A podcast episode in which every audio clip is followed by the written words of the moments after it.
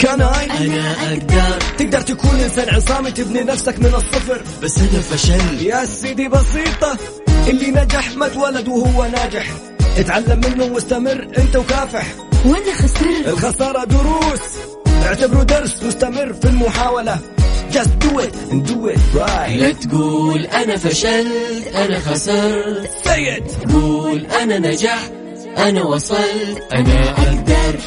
الآن. اعرف حقوقك. مع المستشار تراد باسنبل والمستشار والمحامي القانوني خالد أبو راشد على Mix FM. Mix FM هي كلها هي في كلها في ال mix.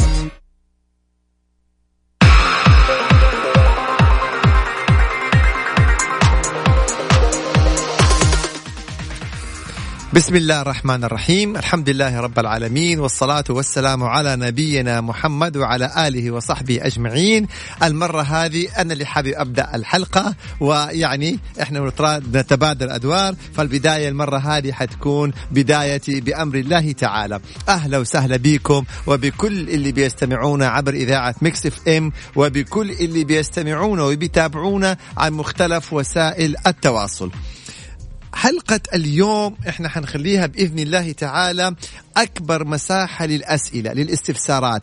أعطونا أسئلتكم وأعطونا استفساراتكم نسجلها ونجاوب عليها لن يعني نغطي أكبر كمية ممكنة من الأسئلة لأننا في الحلقات السابقة دائما كانت مواضيع وقضايا معينة كل حلقة لها قضية معينة وكان في عتب كبير إنه طب إحنا نبغى نسأل ونبغى الأجوبة. فاليوم حتكون أسئلة وأجوبة أرسلوا لنا أسئلتكم على مواقع التواصل وإحنا إن شاء الله تعالى نجاوب عليها. طيب قبل ما نبدأ لي بس آه تعليق أو تعقيب سريع وهو الأسبوع الماضي طبعا نادي الهلال حقق بطولة فنبارك ونهنئ لنادي الهلال بطولة الآسيوية. أحد الإخوان في وسائل التواصل نشر مقطع والله ما أعرف هو سناب ولا هو في تويتر. المهم مقطع مرئي وأشار إلى اتهامات معينة للنادي يعني بسبب يعني حسب ادعاء حصوله على كذا وكذا وكذا. في اليوم الثاني النائب العام أو النيابة أصدرت الأمر بإيقاف هذا الرجل والتحقيق معاه وبالتالي الغالب توجيه آه، تهمة جريمة معلوماتية اللي فيها الاتهام والتشهير بموجب نظام مكافحة الجرائم المعلوماتية. طبعا إحنا لما نعلم إنه النيابة أوقفت إنسان يعني حيكون في تحقيقات ثم بعد ذلك قد يكون هنالك توجيه لائحة اتهام فإذا ما صار توجيه لائحة اتهام حتحال هذه اللائحة إلى المحكمة الجزائية بعد ذلك حتكون هنالك جلسات ثم حكم ثم استئناف واحتمال تأييد لهذا الاستئناف والعقوبة قد تكون سجن قد تكون غرامة وقد تكون الحالتين يعني سجن وغرامة. شوفوا هذه الإجراءات الطويلة وشوفوا النهاية التي قد تكون سجن أو غرامة أو العقوبتين. لما نرجع للأصل هل هو قام بارتكاب جريمة سرقة؟ هل ضرب؟ هل اعتدى؟ هل رشوة؟ هل تزوير؟ لا. مقطع فيديو. قد يكون غرد قد يكون كذا وبسبب رياضة بسبب كورة. ف يعني لو نراجع نفسنا هل يعقل إنه إنسان لا سمح الله يدخل السجن بسبب كورة. هو السجن أساسا يعني أمر يعني الله يبعدنا عننا عنه جميعا وهو أمر غير مقبول. و ومع ذلك نستسهل هذه الأمور على الرغم من انه عقوبتها تصل إلى سجن أو غرامة ناهيكم عن التحقيقات النيابة والشرطة والمحكمة الجزائية. يعني دائما نقول انتبهوا من الجوالات انتبهوا من وسائل التواصل. ما في داعي إنه إحنا مع الحماس أو مع الغضب أو مع يعني آه نصل النتيجة. الآن هو غرد البعض يمكن شجعوا. أيوه برافو كفو الله يقويك من هذا الكلام. إيش النتيجة؟ تم توقيفه في النيابة. طيب السؤال اللي يفرض نفسه هل اللي عززوا له واللي قالوا له كفو واللي أيوه وقول تلحقوا من ذا الكلام هل جميع هؤلاء حينفعوه الآن؟ ولا واحد ما حينفعوا ولا واحد ما حينفعوا الآن عليه تحقيق ونيابة ممكن لائحة اتهام ممكن محكمة جزائية ممكن لا سمح الله بموجب نظام مكافحة الجرائم المعلوماتية سجن وغرامة أو إحدى هاتين العقوبتين. فإحنا دائما بنقول لابد ننتبه تماما ونطلع على نظام مكافحة الجرائم المعلوماتية. النظام لا يفرق بين السب أو الشتم سواء كان في رياضة ولا في غير رياضة. السب هو السب والتشهير هو التشهير والاتهام هو الاتهام. أعطيكم قضية أخرى وهذه القضية جاتني أو استشرت فيها. شخص أشترى سيارة من وكالة. وما ناسبوا حقيقة يعني آه، وداها الصيانة الظاهر مثلا يعني هم قصروا في موضوع الصيانة فبدل ما يتقدم بشكوى رسمية إلى وزارة التجارة نشر مقطع. ولكن في الجروبات وليس في مثلا إيه تويتر أو السناب في الجروبات. إنه شوفوا أنا اشتريت السيارة الفلانية السيارة الفلانية آآ آآ ما صلحوها الصيانة سيئة أنا أحذركم. إيش النتيجة؟ تم استدعائه وعن طريق الشرطة وعن طريق النيابة وجريمة معلوماتية. يعني بدل ما كان قدم شكوى في وزارة التجارة وكان حقه جاله بالكامل نشر هذا المقطع في الجروب إنه والله شركة يعني الصيانة سيئه وإنه هم ما عملوا له السيارة بالشكل الصحيح فكانت النتيجة دخل الآن في مشوار نيابة ومحكمة وكذا. لا نستصغر أو نستسهل الحديث عبر وسائل التواصل. كل كلمة اليوم أنت محسوب عليها. أحد الإخوان سألني وكان بيقول لي إنه آه هل هذا النوع من الجرائم أو مثلا السب أو التشهير عبر وسائل التواصل. هل فيه آه حق عام؟ هي العقوبات كلها اللي إحنا نتحدث عنها هي أصلا حق عام. السجن والغرامة هذا حق عام. هذا بخلاف الحق الخاص. كل اللي إحنا بنتكلم عليه اليوم هو حق عام. تعرفوا اليوم تغريدة ممكن يسجن صاحبها عشر سنين سجن؟ تغريدة؟ لأنه إحنا عندنا اليوم العقوبات تصل المادة الثالثة بس في عقوبات تصل إلى سنة سجن، عندنا عقوبات تصل إلى ثلاثة سنوات سجن، عندنا عقوبات تصل إلى خمسة سنوات سجن خاصة بالنسبة للمقاطع على السناب وما ويعني وهذا النوع من المقاطع، وعندنا عقوبات تصل إلى عشر سنوات سجن.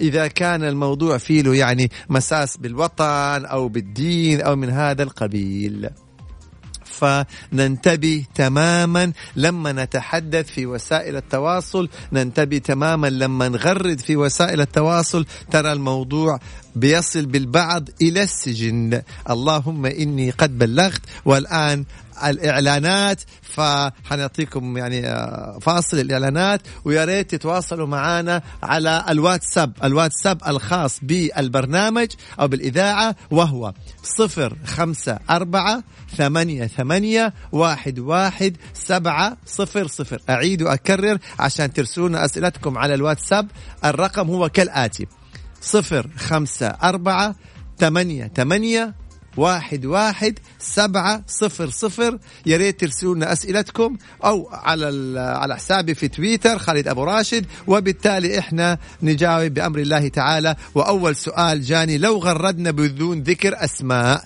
الإجابة حتكون بعد الفاصل بأمر الله تعالى. السلام عليكم ورحمة الله وبركاته. رجعنا مرة ثانية ونشوف الأسئلة زي ما قال أبو محمد. يعني سبنا له الفقرة الماضية. استنى. إيش تقول؟ الدعاء. والله عشان إيه، البدايه إيه. ما أنت دعيت قلت صليت على النبي. طب أنا حاخذ لك كم سؤال قبل ما تاخذ نفسك أبو محمد وبعدين طيب أوكي. يبقى إحنا هنا عندنا السؤال هو كالآتي لو غردنا بدون ذكر أسماء. طيب هنا السؤال. إذا أنت العبرة يعني في في اكتمال أركان الجريمة إنه التشهير وإن نعرف شخص الشخص اللي أنت اسات له فإذا غردت تغريدة بدون ذكر أسماء ولا صفة ولا منصب بحيث إنه يستحيل الإنسان أن يصل إلى أن يعرف مين الشخص اللي أنت تقصده. في هذه الحالة يعني ما حيكون فيها حق خاص ولكن إذا كانت المصطلحات مسيئة فايضا هذه آه، تعتبر تغريدة مسيئة. يعني أعطيكم مثال. أي واحد غرد ما ذكر اسم الشخص ولكن مثلا في نفس مصطلحات التغريدة فيها سب وفيها قذف. طب هذه تغريدة مسيئة حتى لو ما فيها اسم شخص. فننتبه أيضا لهذه الجزئية. فهنا بيقول أيضا من ضمن الأسئلة طيب لو أنا غردت ضد شخص ما كتبت اسمه ولكن نشرت صورته. يا رجل. يعني طيب ما فرق الاسم من الصورة. أو أحد ممكن يقول طب أنا لا ذكرت اسمه ولا صورته ولكن منصبه. رئيس النادي الفلاني. مثلا وزير معين آه، رئيس آه، بلدية كذا مدير جامعة كذا حتى لو ما ذكرت اسمه أو ما ذك أو ما حطيت صورته وذكرت منصبه طب برضو الناس عرفته. يجب أن لا تكون هنالك أي إشارة تدل على شخصية هذا الرجل. أيضا البعض بيسأل بيقول طيب إحنا لو سألنا أو غردنا من حسابات وهمية أو حسابات ليست بالأسماء الصحيحة يعني طبعا الدولة تستطيع وبكل ان تصل إلى فين؟ إلى آه صاحب صاحب هذا الحساب. فنرجع تاني في الرياضة. يا شباب لا تخلوا الرياضة سببا في دخول الناس السجن. هذا أمر محزن محزن محزن. والدليل أنا أعطيتكم هو الآن أنه كيف الشخص اللي غرد ثم ثاني يوم النيابة قامت بإيقافه. فننتبه تماما لهذا الموضوع طيب أبو محمد فهد. أسئلة أيوة نحن نقول بسم الله الرحمن الرحيم والصلاة والسلام على نبينا محمد وعلى آله وصحبه أجمعين.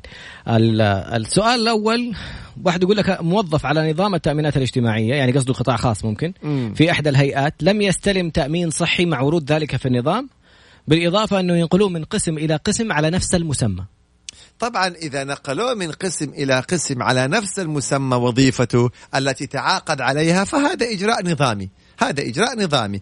أما إذا صاحب العمل قصر تجاه هذا الموظف في حقوقه بموجب عقد العمل سواء كان التأمين الصحي أو خلافه فيتقدم بشكوى ضد مين؟ ضد صاحب العمل. في مكتب العمل. في مكتب العمل بالضبط. طيب. أسئلة ثانية. زوجي رافض يترك أولاده من طليقته. عندها بالرغم من أن حضارنا معاها قانونيا وهي لا مانع لديها بما أن فلوس الضمان وحساب المواطن ينزل لها وغير أن الأم الآن متزوجة من شخص غير سعودي طيب لكن- الآن هو السؤال طويل. شوية. لكن هو بتقول إنه هل يحق لزوجها أن يطلب أولاده من طليقته على الرغم إنه الحضانة لدى طليقته إذا كانت طليقته مو يطلب قدو حصلت- عندها عنده الأولاد أخذهم وما رجع. ورافض طالما أن طليقته حصلت على حكم بالحضانة فيجب على هذا الأب أن يسلم الأطفال فورا لطليقته ليش؟ لأنه لو ما نفذ هذا الحكم طليقته سوف تتقدم بهذا الحكم إلى المحكمة إلى محكمة التنفيذ هي راضية وسوف يتم استدعاؤه وإن لم يتجاوب سوف يتم إيقاف الخدمة عنه ولو لم يتجاوب سوف يتم إصدار أمر قبض ضده أبو محمد فإذا أنت توفر على نفسك. وتسلم الأطفال لوالدتهم طالما حصلت على حكم بإيه؟ بالحضانة. طيب جميل. الأم ال- والدتهم هي راضية خليهم عندك. هي تزوجت الآن مم. مع أنه الحضانة الصك باسمها لها بس تقول خلاص. إذا صدر لها الحكم بالأطفال وما طالبت فيهم وموافقة أنه يستمروا الأبناء في حضانة والدهم. يبقى الحمد لله رب العالمين. لا توجد مشكلة. طب هي لها الحق وهي تنازلت عن هذا الحق أو لم تطالب بهذا الحق. يبقى ده إيه؟ موضوع يعني يخصها اللي متضرر الآن الزوجة الجديدة هي اللي يقول لك أنا جايب عيال هذه مشكلة شخصية عائلية. وليست قانونية تحل الموضوع مع زوجها شكله هو ورطها قال لها الأولاد ما حيكونوا معانا وحنكون إحنا في البيت لوحدنا وبعد الزواج إيه تفاجأت بالعائلة الكاملة يعني جالسين عادي. يساووك أبو محمد يعني أنت تدبر أمورها مع زوجها. طيب هنا أيضا من ضمن الأسئلة بيقول أنا متى يحق لي أطالب بتعويض لو شخص سبني؟ لو شخص أساء لي أو شخص سبني أنا متى أو كيف يحق لي إني أطالب بالتعويض؟ هنا أنت الآن تقيم دعوة تطالب بتعزيره شرعا. في المحكمة الجزائية أو تتقدم بشكوى ضده إلى النيابة إذا كان طبعا الإساءة دي عبر وسائل التواصل المختلفة طبعا هذه حيكون فيها حق عام ف آه، حيتم إحالته إلى المحكمة الجزائية. أثناء المحكمة الجزائية أنت أصبحت صاحب حق خاص. هنا أنت ممكن تتفاوض معه. تعال تبغاني أتنازل عن الحق الخاص؟ تدفع لي مبلغ وقدره كذا. على قد ما أنا أبغى. أيوة, أيوة. على قد ما أنت تبغى. والله دفع لك المبلغ تنازلت عن الحق الخاص. ما دفع لك المبلغ اللي. أنت طالبه كملت القضية وحيجي التعزير و- والعقوبة. فمن هنا تأتي جزئية التعويض. البعض بيقول ليه الغرامة للدولة؟ طب أنا صاحب الحق الخاص أنا أنت. إحنا اتفقنا أن الغرامة والسجن هذا حق عام للدولة. مم. أيضا أنت لك حق خاص تطالبه بالتعزير فإن عرض عليك مثلا لا لا أنت خذ هذا المبلغ في مقابل أنك تتنازل عني في الحق الخاص. يبقى ديك الساعة من هنا أنت حصلت على مثلا يعني مقابل هذا التنازل على المبلغ المالي. وذا قانوني محمد ما يعتبر ابتزاز ولا آه، يعتبر شيء؟ لا لا يا رجل إحنا حتى في قضايا القتل في قضايا القتل والقصاص مم. بنجد إنه ملايين. الورثة أو أولياء الدم ممكن ان هم يقبلوا مبلغ معين في مقابل إنهم يتنازلوا عن القصاص صح. فقس على ذلك حتى في مم. الإصابات في الاعتداء على النفس أي قضية فيها حق خاص يحق لصاحب الحق الخاص أن يتنازل سواء كان بدون مقابل أو بمقابل هذا حق لمين لأصحاب الحق الخاص ويبقى الحق العام حق لمين حق للدولة جميل. هذا يعود للدولة. أبو محمد على هذا النسق واحد سب طليقته فراحت رفعت عليه قضية. قال لها خلاص نصطلح قالت له تعويض عوضني أديني مبلغ أنا أتنازل عنه. بالطرفين أي. أي. أي أمر بين الطرفين لا يخالف شرع الله عز وجل يبقى اذا إيه؟ هذا طب شأنهم. السؤال لو استمرت القضية عند القضاء وقرر القاضي يحكم بعدين قالت أبغى أتنازل عن حقي لا زال حق أيوة، العام. سؤال جميل جدا. كل أسئلتي يبغى. متى يحق لصاحب الحق الخاص أن يتنازل عن حقه مم. في أي وقت أيوة. قول. يستطيع أن يتنازل عن حقه في الشرطة أثناء أوكي. تقديم الشكوى في البداية مم. يستطيع أن يتنازل في النيابة أثناء سير القضية تحقيقات في النيابة مجلس الصلح. يستط... أيوه لا في النيابة يتنازل مم. يستطيع أن يتنازل إذا القضية أحيت إلى المحكمة في أي مرحلة من مراحل القضية يستطيع أن يتنازل عن. حقه حتى إذا صدر له حكم مسار نهائي أيضا يستطيع أن يتنازل عن حقه عجيب. بحيث إنه ما يروح ينفذ أو إذا راح محكمة التنفيذ يثبت تنازله ويكون يعني إيه تنازل. يتم الإثبات هذا الصلح أو إثبات هذا التنازل اذا يحق للإنسان أن يتنازل عن الحق الخاص في أي مرحلة من مراحل القضية شرطه نيابة محكمة تنفيذ يحق في أي مرحلة من هذه المراحل م. بل في قضايا القصاص يستطيع أن يتنازل قبل ثواني. من تنفيذ القصاص من تنفيذ حد القصاص. ثواني. من حد. يعني من تنفيذ حد القصاص يستطيع أن يتنازل. والقضية قد تكون لها عدة سنوات. طب متى يسقط الحق العام؟ يعني في أي مرحلة من تنازل؟ الدولة أيوه الدولة هذا حق عام للدولة يبقى الدولة هي التي يحق لها أن تعفو مم. من الحق العام طبعا في لها معايير أنظمة معينة وقد تعفو وقد لا تعفو مم. هذا أمر حق للدولة. إذا هي إيه اللي اللي اقصده تتصرف محمد في هذا الأمر هل التوقيت يسقط الحق العام مثلا لو أنا تنازلت عنك في الشرطة خلاص ما راح الموضوع للدولة ولا الدولة تصير لها شيء ولا يسوي لها آه. إذا ما نشأت القضية خلاص يعني أغلقت من بدري يعني, يعني. خلاص انتهى الموضوع آه، لكن لو استمر- أنت في الحق الخاص مثلا في النيابة ممكن يبقى الحق العام أوف. وممكن تستمر القضية في الحق العام أوف. وممكن جلسات وممكن حكم على الإنسان في الحق العام حتى لو تنازلت. لك مثال مثلا صارت مضاربة مم. والمضاربة هذه نتج عنها إصابات مم. فجاء مثلا يعني الشخص اللي هو الضحية اللي تم الاعتداء عليه وتنازل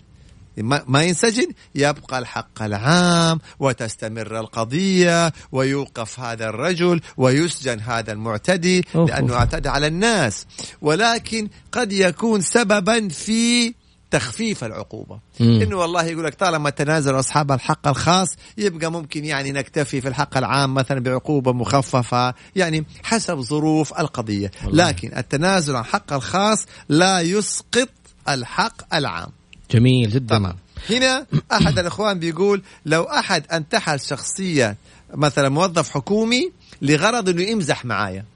إحنا اتفقنا في القضاء والقانون ما في مزح. ما في شيء اسمه مزح. طب أمر بينكم يبقى هو بينكم. ولكن إذا تقدم أحد الإخوان بشكوى أن فلان انتحل صفه رجل أمن ولا انتحل صفة مثلا رجل موظف حكومي قضية تنظر القضية ما في شيء اسمه مسح فننتبه في هذه الأمور لو شخص رسل محضر جلسة قضائية لشخص آخر من باب التشهير هل ممكن محاسبته؟ عبد الله أبو جدايل إذا كان تشهير مم. إيوه طبعا انت بأي حق القضية اليوم من اللي له الحق إنه هو يطلع على هذه القضية؟ هم أطراف القضية مم. فقط لا غير. المدعي المدعى عليه. إذا كان هنالك مثلا مدعي عام أيضا أطراف القضية.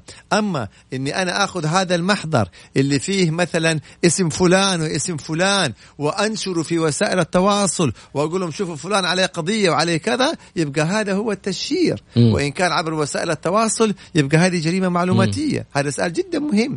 القضايا فقط لا غير يطلع عليها أطرافها مهم. أما إنك أنت أثناء سير القضية تأخذ المحاضر وتنشرها على الملأ يبقى هذا على طول دخلت. دخلنا على طول دخلنا في آه، مخالفة أو جريمة إن كانت عبر وسائل التواصل يبقى جريمة معلوماتية إن كانت لا والله كذا بين الناس يعني تعزير شرعا لأنه هذا يعتبر إيه تعزير جميل. هنا بيقول لو سجلت في موقع تداول وصار لي نصب منه هل يحق لي الشكوى؟ طبعا.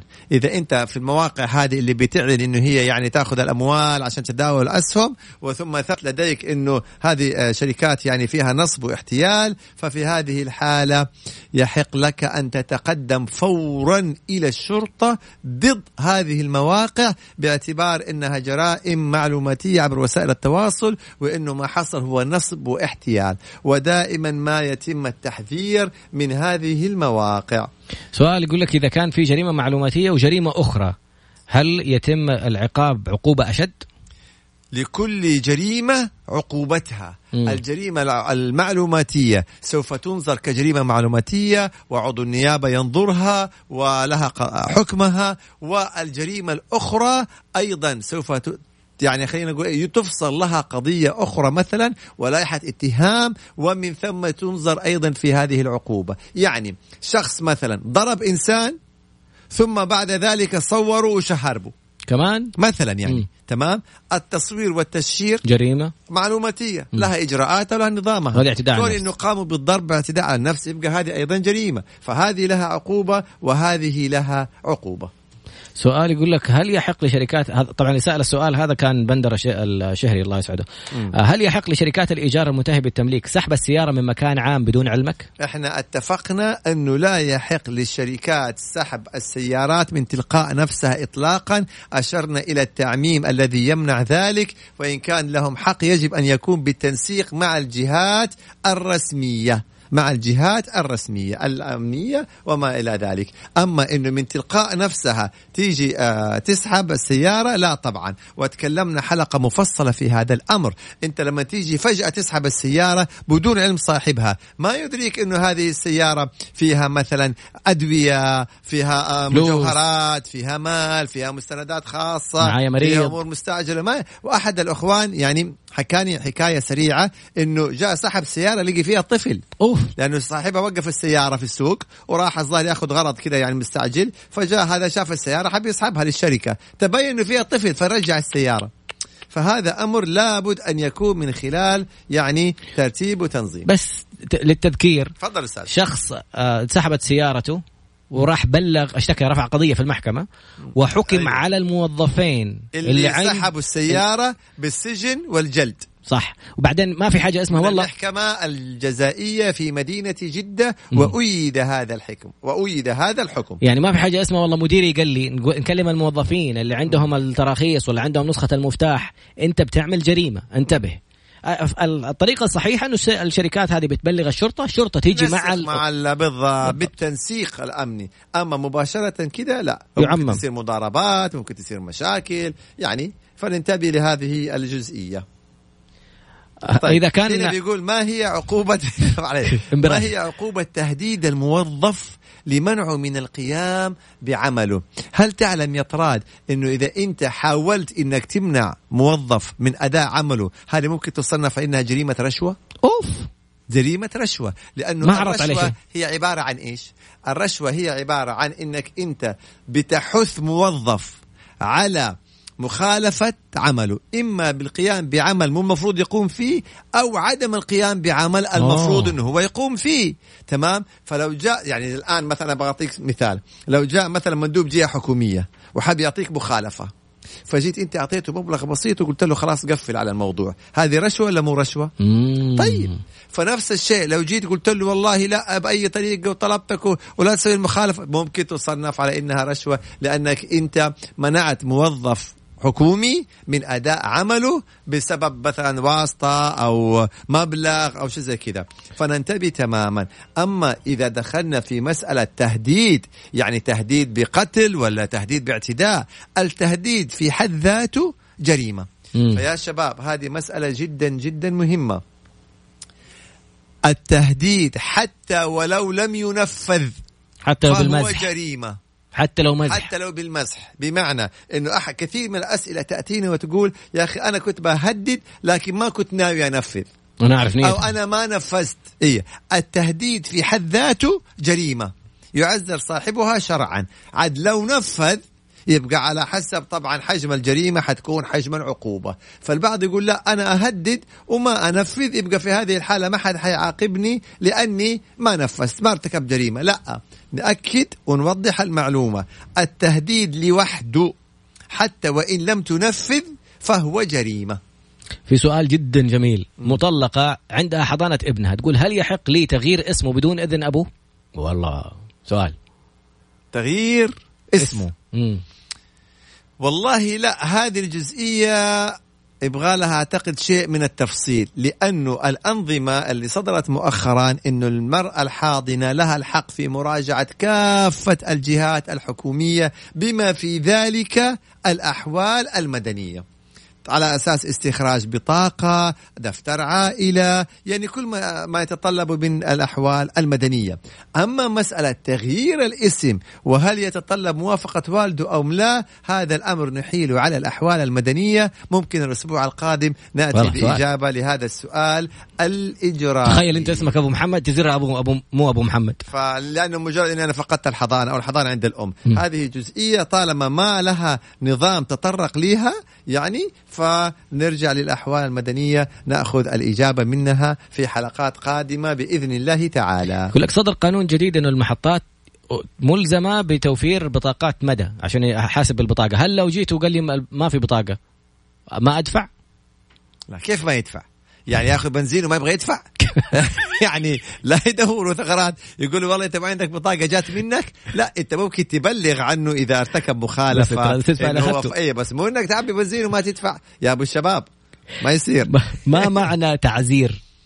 أيوه. التعزير هي العقوبة التي لم ينص عليها في القرآن الكريم حدا فيعود تقديرها للقاضي. يعني القاضي هو مم. الذي يقدرها. في عقوبات هي الحدود هي التي نص عليها أو ورد نصها في القرآن نصا. السارق تقطع يده القاتل يقتل. حد الزنا مثلا ال- الرجم للمحصن والجلد غير المحصن. حد الشرب مثلا حد القذف 80 جلدة. فهذه العقوبات التي وردت نصا في القرآن حدود. الكريم هذه حدود مم.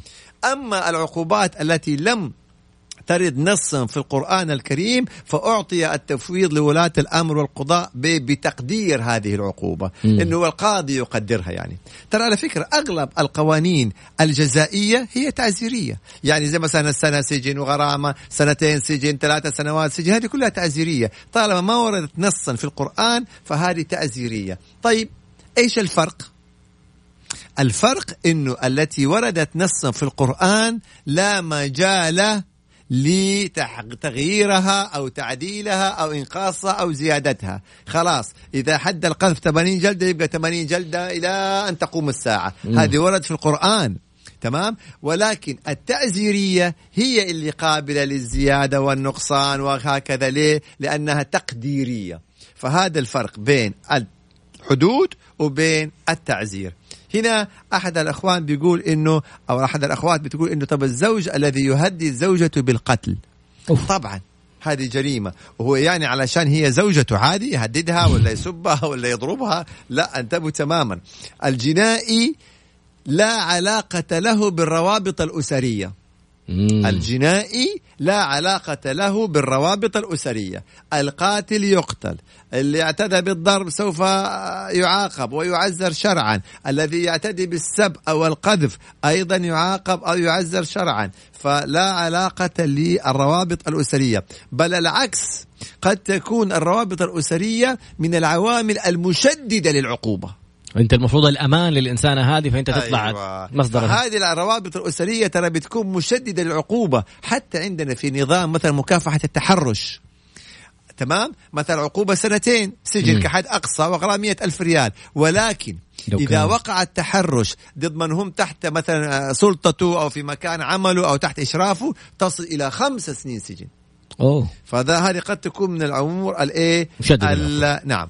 واحد واحد محلفني بالله وصل سلامي للأستاذ الكبير خالد أبو راشد وقول له إني أحبك في الله. بارك الله فيك. فارس المالكي. والله والنعم يا فارس. هذه المداخلات الطيبة ومن غير ما تحلف تراد الله يجزاه خير. عزيز وغالي الله يحفظك في الفقرة القادمة نتابع الأسئلة ورقم التواصل على الواتساب 054 88 11 700 88 11 700 أو على خالد أبو راشد في تويتر. اكتب خالد أبو راشد وتابعه ما شاء الله مباشرة. أسئلة كثيرة يا طراد ما شاء الله. ما شاء الله. باقي 20 دقيقة. الحمد لله. نواف عمره 10 سنين ويقول برنامج مفيد وجالس أتابعكم. شكرا يا نواف على الرسالة الجميلة. فعلا آه. شهادة نعتز فيها يعني. أي والله. أبو محمد آه، في خلل فني في آه، بعض مدن المملكة آه، بسبب موضوع الأبراج والاتصالات فنقول لهم اسمعونا على Mix FM SA dot com M I X FM SA dot com اسمعنا مباشرة عبر موقع Mix FM الرسمي أو عن طريق وسائل التواصل الاجتماعي. خالد أبو راشد آه، طراد باسنبل في تويتر وانستغرام آه، أسئلة عندي كثيرة. محمد أيوة. ابدأ أيوة. محمد. أبدأ نبدأ يلا تهديد الزوج زو... زوجته بالطلاق هل هو جريمة؟ طبعا هنا لا طبعا لأنه هذا ليس بجريمة هذا حق ودائما إحنا بنقول الذي يهدد باستخدام الحق ليس بجريمة تماما زي لو شخص يقول يا أخي أنا لو ما سددت لي فلوسي أنا حاروح أرفع قضية في المحكمة فالثاني يقول أنت بتهددني؟ هذا ليس تهديد هذا حق له هو بيبلغك إنه إذا ما سددت لي المبالغ أنا حاتخذ الإجراءات النظامية. اذا هذا ليس بتهديد وليست جريمة تهديد. التهديد مم. لما توعد إنك أنت حترتكب مخالفة جميل. ترتكب جريمة. هذا هو التهديد. طيب الطلاق هل الطلاق يعتبر جريمة؟ لا. الطلاق حق للزوج؟ نعم حق للزوج. فهو لما يقول إذا ما فعلت كذا أو إذا فعلت كذا أنا راح أطلق يبقى هذا ليس إيه؟ ليس بتهديد على الإطلاق.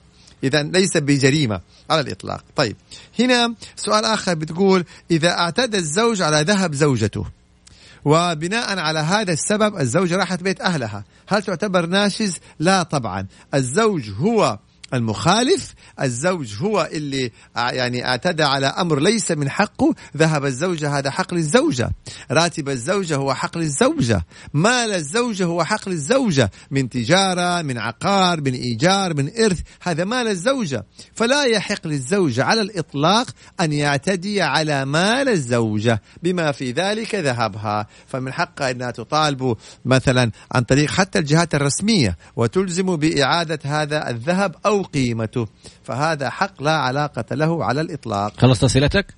تفضل والله أستاذ. عندي مجموعة أسئلة يلا اولا يقول لك هل استخدامي للتسجيل كدليل يعتبر جريمة؟ سجلت لواحد محادثة أيوه هنا مسألة التسجيلات الصوتية. إذا كان هذا التسجيل بموافقة الشخص الآخر يبقى هذا تسجيل نظامي. كيف يعني موافقة الشخص الآخر؟ اللقاءات الصحفية لما تتصل أنت مثلا على على شركة اتصالات أو على بنك من البنوك يقول لك جاري تسجيل مكالمتك. يبقى هذه كلها تسجيلات نظامية لأنها بمعرفة وعلم الطرف الآخر. طبعا إذا كان هذا التسجيل بالتنسيق مع الجهات الأمنية يبقى طبيعي هذا بيكون نظامي 100% أما إنك تسجل على إنسان بدون ما يعلم.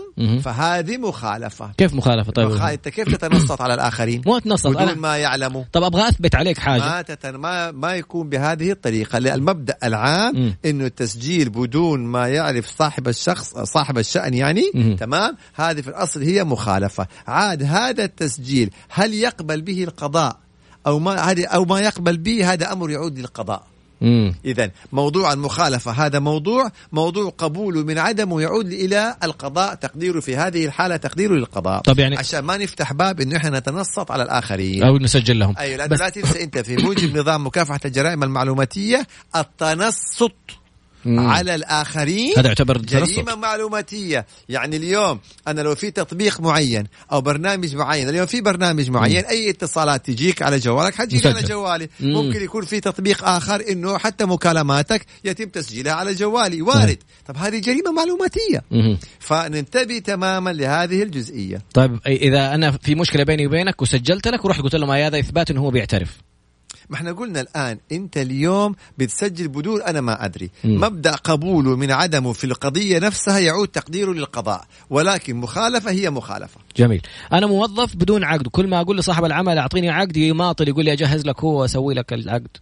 طيب إحنا الآن عشان أنت لا تفقد وظيفتك الأصل أن صاحب العمل مخالف لأنه مادة صريحة في موجب نظام العمل يجب على صاحب العمل أن يعطي نسخة من عقد العمل للعامل فهذا الرجل خالف نظام العمل صاحب العمل. لكن طبعا أنت دوبك موقع عقد يعني وما نبغاك تشتكيل يعني في هذه الحالة أنت حاول تثبت علاقتك الوظيفية بأي طريقة من وسائل الإثبات يعني بالمراسلات مثلا إذا في بطاقة رسمية صادرة من الشركة مثلا إذاعات الرواتب يعني قدر الإمكان مم. الأصل أنك ممكن تلزمه بنسخة من عقد العمل عمليا تروح تشتكيه في مكتب العمل عشان يديك نسخة طيب ممكن يفصلك.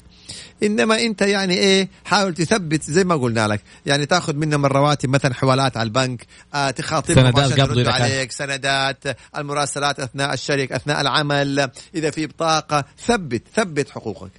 جميل. أم والله موقف هذا ما نعرف كيف ممكن ينقل السؤال. يقول لك طفلين في حضانة عمرهم خمس سنوات. مم. واحد يقول للثاني أنا ما أبغى أجلس جنبك لا تصير صاحبي. أنت اسمر وأنا أبيض. الطفلين. إيه. طيب. هيتكلم مين؟ هذا دور تربوي بحت. هذا دور الأهل. طفل عمره خمس سنين ويفرق بين الأبيض والأسود من خمس سنين عمره. يعني هذا لازم يكون في فين الأهل؟ فين والده؟ فين والدته؟ ينتبهوا لهذه الأمور يعني. والله إذا هذا من من الخمس سنين على قولك وبدأ ينشأ على دي النشأة كيف بكرة يصير؟ ننتبه لأبنائنا وننتبه لتصرفاتهم ننتبه لسلوكياتهم. يعني هذا يعني بكل ألم. من أسبوعين جريمة قتل ثالثة. لا يا رجل. جريمة قتل ثالثة وقعت في إحدى مدن المملكة بين طلاب أعتقد في بداية المرحلة المتوسطة.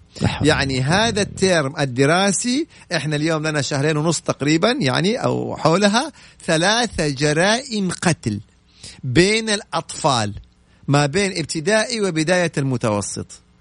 هذا يدل يعني فين الأهل وغياب الأهل؟ فين أنتم تصرفات أبنائكم؟ هل لا قدر الله الواحد يصحى في الظهر يجي له ولده ولا طفله وليس ولده طفله متهم بجريمة قتل؟ أو مقتول. مرتكب جريمة قتل أو لا قدر الله مقتول. لابد نخصص وقت نجلس فيه على أبنائنا ونناقشهم ونعرف يعني توجهاتهم سلوكياتهم. من بدري قبل لا سمح الله وقتها يكون خلاص فات الفوت ولا ينفع أي شيء. على الإطلاق. هنا بيقول تصوير ضرب الزوج مسموح ولا لا؟ أي تصوير مرفوض. ضرب الزوج هو جريمة مع جريمة في حد ذاتها. فكون تأتي تصوريها وتنشريها الزوج سوف يعاقب على جريمة الضرب ومن قام بتصوير ونشر هذه الصور طبعا حيكون جريمة معلوماتية.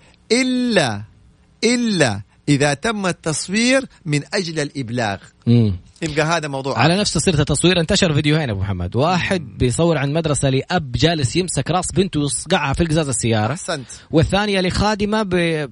رب شفت البيت هذه جالس. المقاطع. لو كان بلغوا كان إجراءاتهم نظامية مية في المية ولكن هم شهروا. مم. فقد يعاقب اللي, اللي ظهروا في المقاطع مم. ولكن أنت أيضا قد تعاقب على التشهير. فإذا كان هدفك فعلا معاقبة الجاني بلغ ليه تشهر. حتى ممكن تعرض نفسك الآن لمساءلة وعقوبة. فاللي صور ضرب الزوج. إذا صور وبلغ ما عليه شيء. لكن لو صور ونشر في وسائل التواصل إذا هنا ارتكب هو أيضا جريمة معلوماتية غير جريمة ضرب الزوج لزوجته. موظف في سوق قال لي أمك رحت أنا ضربته. أيوة هو يعاقب على السب وإنت حتعاقب على جريمة إيه؟ الاعتداء على النفس. مم. كلاكما أرتكب جريمة. إذا رديت على الإساءة في وسائل التواصل الاجتماعي. إذا رديت على الإساءة في وسائل التواصل الاجتماعي. إذا أنت أيضا ارتكبت جريمة معلوماتية. زي ما هو أساء لك في وسائل التواصل وتعتبر جريمة معلوماتية في حقه أنت أيضا ارتكبت جريمة معلوماتية. جاتك إساءة صورها وبلغ واحد. صورها روح اشتكي في قسم الشرطة. ولكن إنك أنت ترد عليه يعني سبك فسبيته طب أنتوا الاثنين خسرت. جرائم معلوماتية. خسرت حقك. بالضبط. واحد قفل الشارع بحجار. رحت نزلت من سيارتي بعدت الحجار. راح وقف قدامي هو وقال ما حد يعدي من الشارع ده وجاب سيارته ووقفها قدامي. بلغ الجهات الأمنية. لا تدخل في مضاربة. انتبه لا تدخل في مضاربة. لأنه دائما أنا بسألكم سؤال مهم جدا. أي طر أطراف يدخلوا في مضاربة؟ هل يستطيع أحد أن يضمن لي حدود هذه المضاربة؟ هل يستطيع بالضبط هل حيستطيع أي إنسان يقول لي هذه المضاربة فين حتوقف؟ قد تصل إلى القتل. المضاربات بين أطفال وصلت إلى القتل. فإياك إياك أنك تدخل في مضاربة. جاء رجل استفز قطع الطريق حاطط حجار رافض أحد يعدي. دوريات الأمنية. وأنت معك جوال في في دقائق وأقل من دقائق حتجد جيب الدورية وصل عندك وانهى لك هذا الأمر ولكن بعقل وبحكمة. هذه والله يا طراد ميزة الأسئلة المتنوعة مم. انه الإنسان اللي بيتابعنا يعني من مختلف إيه مختلف القضايا ومختلف المواقف في اخر الحياة. آخر سؤال عمالي بعدين نرجع في الفقرة القادمة. يقول لك خصم من راتبي وتم إنذاري بسبب التأخير دون إفادتي. ما صار في تحقيق؟ ما صار في طبعا ما يصير إنك أنت تعاقب موظف في القطاع الخاص بدون تحقيق. خصوصاً الخصم. أن يكون بالضبط لابد أن يكون هنالك تحقيق ثم تثبت المخالفة وت... عليها العقوبة بموجب النظام وبموجب المواد. ما تطبق عقوبة من راسك. لازم اللائحة العقوبات تكون بموجب المواد وبموجب النظام. اللي في السوق يقول لك أنا ضربت الرجال لما سبني.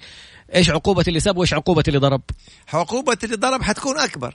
مم. يعني هو هذا السب حيتعاقب ممكن مثلا بسجن تمام؟ ولكن أنت لأنك اعتديت بالضرب هذه فيها سجن وفيها ممكن جلد. وحسب ولا. سمح الله إذا الإصابة استشفاء آه، مدة الاستشفاء 15 يوم هذه فيها توقيف من أولها. ولا يعني ما ما تخرج يطلع. ما تخرج آه، ما يطلع ل... إلى أن تنتهي القضية. اي ما في خروج بكفالة وترجع. بأمر من النيابه ولا من القاضي.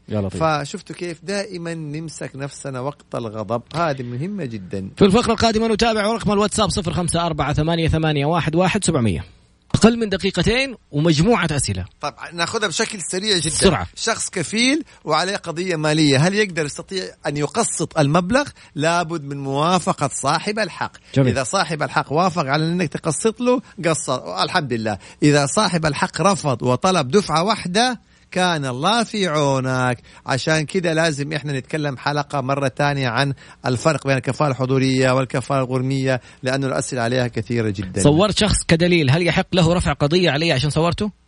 هذه هنا التفاصيل هذه يعني زي- زي تسجيل. النيابة أيوه إيش أسباب الملابسات أسباب التصوير يعني هذه طيب في سؤال خطير مم. موظف جوازات يقول أنا جاني شخص عرض علي رشوة ربع مليون ريال. أيوه. مقابل إني أهرب شخص عليه مبلغ مختلس مبلغ 15 مليون ريال. مم. يبغاني اهربه خارج المملكة. طيب. بلغت عليهم المباحث الإدارية. جميل. أتسرب المحضر حق البلاغ في اسمي والبلاغ كامل. وصار الرجل هذا يهددني في تجيني تهديدات من خارج المملكة. حنقتلك وحنحرق قلبك على أولادك.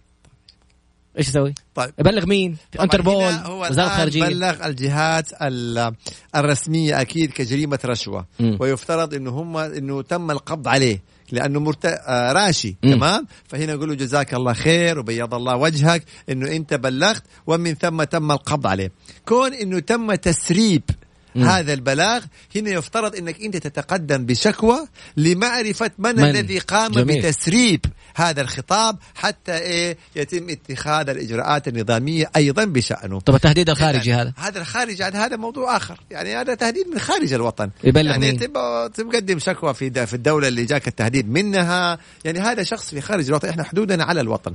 الآن اللي قدم الرشوة هذا يعاقب واللي سرب الخطاب أيضا هذا يعاقب. فيتقدم بشكوى. واضح إنه تطلب التحقيق في من سرب بهذا ال فين يقدم شكوى؟ يتم معاقبته. ممكن إلى الجهات الأمنية اللي هو يعني المباحث الإدارية يعني على أساس يتم ال- التحقيق في هذا الأمر. سبحانك اللهم وبحمدك أشهد أن لا إله إلا أنت أستغفرك وأتوب إليك. آسف رسائل كثيرة جدا للاسف ما لحقنا نرد عليها لكن وقت البرنامج. عشان كذا أكثر من حلقة إن شاء الله يا طارق حنخصصها دائما لهذه الأسئلة. أسئلة. بالضبط. وفقك الله. شكرا يا طارق. في أمان الله. الغداء أبو محمد يلا.